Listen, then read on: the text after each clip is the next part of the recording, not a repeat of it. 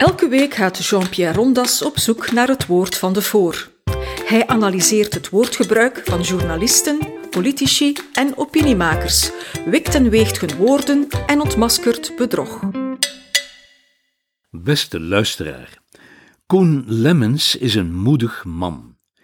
Hij heeft namelijk een boek geschreven over traditie.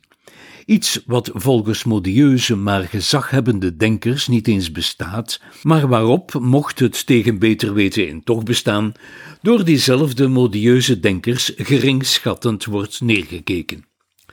Van in de oudheid hebben conservatieven betreurd dat tradities veronachtzaamd werden. Maar vandaag trekken activistische en woke generaties er radicaal tegen ten strijde. Zij zijn niet van plan om de traditie zomaar stilzwijgend voorbij te laten trekken. Zij willen haar vernietigen. Zij gaan tegen tradities in het verzet. Volgens hen zijn vooral autochtone tradities immers kwalijk, achterlijk en gevaarlijk. Zij zijn de dwalende beeldenstormers over wie Koen Lemmens het in zijn boek heeft. Met een pleidooi voor een bewuste omgang met de traditie gaat hij dus stevig in tegen de huidige traditie van traditieverwerping. En dat is vandaag niet zonder gevaar voor naam, faam en beroep, zeker aan universiteiten. En Koen Lemmens doseert aan twee universiteiten. Daarom noem ik hem een moedig man. Lemmens, geboren in 1976, is een bekend jurist, advocaat en hoogleraar publiekrecht die zich vooral bezighoudt met mensenrechten. Hij heeft een indrukwekkend aantal professionele publicaties op zijn naam staan. En ik twitter zelf niet, maar in de wereld der gechilpte boodschappen schijnt hij een bekende vogel te zijn, die daar luistert naar de naam Uw dienstwillige dat is een advocatenstreek. Met dit boek over traditie zet hij zich op de kaart als publiek intellectueel. Dat is niet zo verwonderlijk. Het recht is namelijk uit traditie opgetrokken en in zijn boek werkt hij daar op boeiende wijze twee voorbeelden van uit, over de naam die wij dragen en over de toga die hij mag dragen. Maar dat doet hij slechts en passant, want in wezen wil hij vat krijgen op iets veel complexers. Jammer genoeg heeft traditie geen handvaten. Traditie is een glibberige realiteit. Traditie is proteisch, naar de Griekse zeegod Proteus. Ze is onbestendig en kan alle gedaanten aannemen. Het woord traditie is een collectivum. Als ik er een lidwoord voor plaats, de traditie dus, dan lijkt het om iets vaststaands te gaan, dat van de ene generatie aan de andere onveranderd wordt doorgegeven. Maar als ik er een meervoud van maak, tradities in het meervoud, dan gaat het al heel snel over slechts folkloristische gebruiken, zoals kleiduifschieten. Hoe dan ook, in de overdracht wordt de traditie juist iets erg veranderlijks. Traditie is helemaal niet het traditionele of het verouderde. In het transmissieproces ondergaat traditie immers de ene verjongingskuur na de andere. Alles kan traditie worden, zeker ook de vredaardigste gebruiken, denk maar aan clitoridectomie. Goed of kwaad, alles wat we hebben of zijn, onze hele materiële en geestelijke wereld is ons overgeleverd. Alles, maar dan ook alles wat ons onder handen komt, is het resultaat van culturele overdracht. De mens moet alles leren. Ergens wijst de Nederlandse jurist Paul Cliteur erop dat de mens wel beschikt over een aangeboren, evolutionair verworven vermogen tot spreken, maar dat de taal zelf slechts van generatie op generatie kan worden overgedragen. Taal is traditie, zonder taal sterft de mens. In twee openingshoofdstukken zegt Koen Lemmens dit alles uitgebreider en met enigszins andere klemtonen. De volgende acht hoofdstukken van het boek bestaan in de uitwerking van één onderliggende redenering, die al vervat zit in de titel en die hij toetst aan wat ik traditiedragers noem: identiteit en kanon, onderwijs, taal en religie. Deze redenering bestaat telkens uit vier stappen. Stap 1 is de eenvoudige sociologische constatering die ik kan samenvatten in de boutade dat we niet meer leven in Willy van der Steens fictieve staat Bazaria van Suske en Wiske de speelgoedzaaier, waar de nationale industrie bestaat in het schilderen van telloren. We leven nu eenmaal in posttraditionele maatschappijen.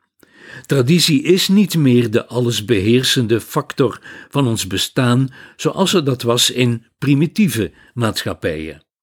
Deze overgang schetsen is het begin van elke sociologie. De tweede stap in de redenering is eveneens een vaststelling, maar dan één die nog meer weerstand oproept dan de eerste. Het is namelijk een onweerlegbaar feit dat niet alleen de traditionalisering een voortdurend proces is. Haar pendant, de detraditionalisering, stopt al evenmin. Zelfs in een alreeds gedetraditionaliseerde maatschappij zoals de onze zijn er nog altijd voldoende tradities over, of zelfs nieuwe tradities, die ofwel vanzelf verdwijnen, ofwel aangevallen worden opdat ze zouden verdwijnen. De intrigerendste formule van dit verschijnsel staat in Karl Marx en Engels Communistisch Manifest, die in het Engels een treffende vertaling heeft gekregen: All that is solid melts into air. Al het vaststaande en eeuwige gaat in rook op, en dit niet één keer en voorgoed, maar telkens weer. Uit onze verondersteld solide samenlevingen zijn liquide maatschappijen gegroeid, zoals de socioloog Zygmunt Bauman in ettelijke publicaties heeft beschreven. Wanneer nu dit herhaaldelijke detraditionaliseren opzettelijk gebeurt, dan gaan de mensen die het proces moeten ondergaan zich schrap zetten een kwart eeuw geleden waren het de zogenaamde redelijke aanpassingen van autochtonen aan allochtonen die ergernis opwekten, omdat we hadden verwacht dat nieuwkomers zich aan onze gebruiken zouden aanpassen. In plaats daarvan werd de ingezetenen gevraagd om bepaalde symbolen die de nieuwkomers ergerden uit de openbare ruimte te verwijderen, genre kruisbeelden, kerststallen en zwarte pieten. Vandaag is er van redelijkheid geen sprake meer en gaat het over onredelijke eisen tot verwijdering van tradities. Elke week doet er zich wel een majeur incident voor in verband met de woke-eisenbundel die de westerse folklore aanvalt.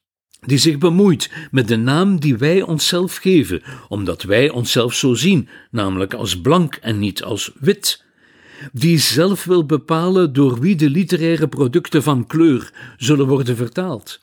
En die witte auteurs in het curriculum willen zuiveren van alles wat de woke-woordvoerders niet aanstaat. In elk hoofdstuk van zijn boek behandelt Koen Lemmens een of ander doelwit van deze permanente agressie tegen traditie, die mijns inziens bedoeld is om inclusie en integratie onmogelijk te maken. Vandaar de volgende, de derde stap in Lemmens onderliggende redenering. Dit alles roept nu eenmaal weerwerk op, weerstand, reactie, radicalisering en polarisering. De linkse partijen hebben hun al te ruime begrip voor de politieke correctheid met hun eigenheid bekocht. Bij verkiezingen in heel Europa lopen hun kiezers nu al veertig jaar over naar de populistische partijen. Waarschuwingen van klassiek linkse denkers zoals Mark Elgardus werden in de wind geslagen. Aan beide kanten van de nieuwe breuklijnen vormen zich nieuwe verzuilingen. Sommige analisten en auteurs waarschuwen voor nieuwe burgeroorlogen. Koen Lemmens nu is zeker geen alarmist en mijn parafrase drukt de zaken zeker scherper uit dan hij zou doen. Toch is het precies deze toestand die hem verontrust en die hem heeft aangezet tot het schrijven van zijn boek. Daarom hebben de beeldenstormers uit zijn titel ongelijk en daarom moeten wij bewuster met de traditie omgaan. Want het is aan de opzettelijke beeldenstormerij dat de geesten zich scheiden. Het neerhalen van allerlei monumenten en standbeelden door de zogenaamde decolonisatoren, dat is slechts het symbool van een veel ruimere beweging. En Lemmens vindt dat ze overdrijven en ik vind dat met hem. Vandaar ook zijn demarche, het vierde punt in zijn redenering, het actiepunt dat hij uit de drie vorige stellingen afleidt. Ik probeer het genuanceerd te parafraseren. Het gaat als volgt. Het onvermijdelijke verdwijnen van de traditie moet vriendelijk en zachtaardig begeleid worden, opdat de gewone autochtone mensen die eronder lijden, naast de schok die ze ervaren, niet ook nog eens beledigingen en verwijten van achterlijkheid van de kant van de politiek correcten zouden moeten incasseren. We moeten het dédain achterwege laten. Als wij dat proces begeleiden en dus bewust met de veranderende traditie omgaan, uit de ondertitel, dan zullen die mensen zich misschien niet bij extreem rechts aansluiten of polariseren. Wel nu, beste luisteraar, dit boek is zelf zo'n vriendelijke begeleiding. Zoals gezegd handelen de essays over die ene grote breuklijn die zich op alle grote traditieterreinen manifesteert: taal en onderwijs en religie en identiteit. Deze opstellen, deze hoofdstukken, behoren tot het beste wat daarover tegenwoordig geschreven wordt, beredeneerd, toegankelijk, vlot leesbaar, inspirerend. Koen is een equilibrist. Het koord waarop hij danst loopt parallel met de nieuwe culturele breuklijn. Lichtjes balancerend met zijn koorddanserstok, overhellend nu eens naar links en dan weer naar rechts, loopt hij gestaag naar de overkant. Onderweg is hij voortdurend met zijn lezer in gesprek. De dwaling van de beeldenstormer is een dialoogboek dat ook aanzet tot dialoog in de echte wereld. Precies daarom heb ik hem enkele vragen te stellen, onder meer over dat wij. Deze vragen spaar ik op voor volgende week. Tegen die tijd hebt u dit boek toch geachter de kiezen, beste luisteraar. Dit was een episode van Doorbraak Radio, de podcast van doorbraak.be. Volg onze podcast op doorbraak.be/radio of via Apple Podcasts, Overcast of Spotify. Bezoek ook onze website op doorbraak.be en steun ons door een vriend te worden van Doorbraak.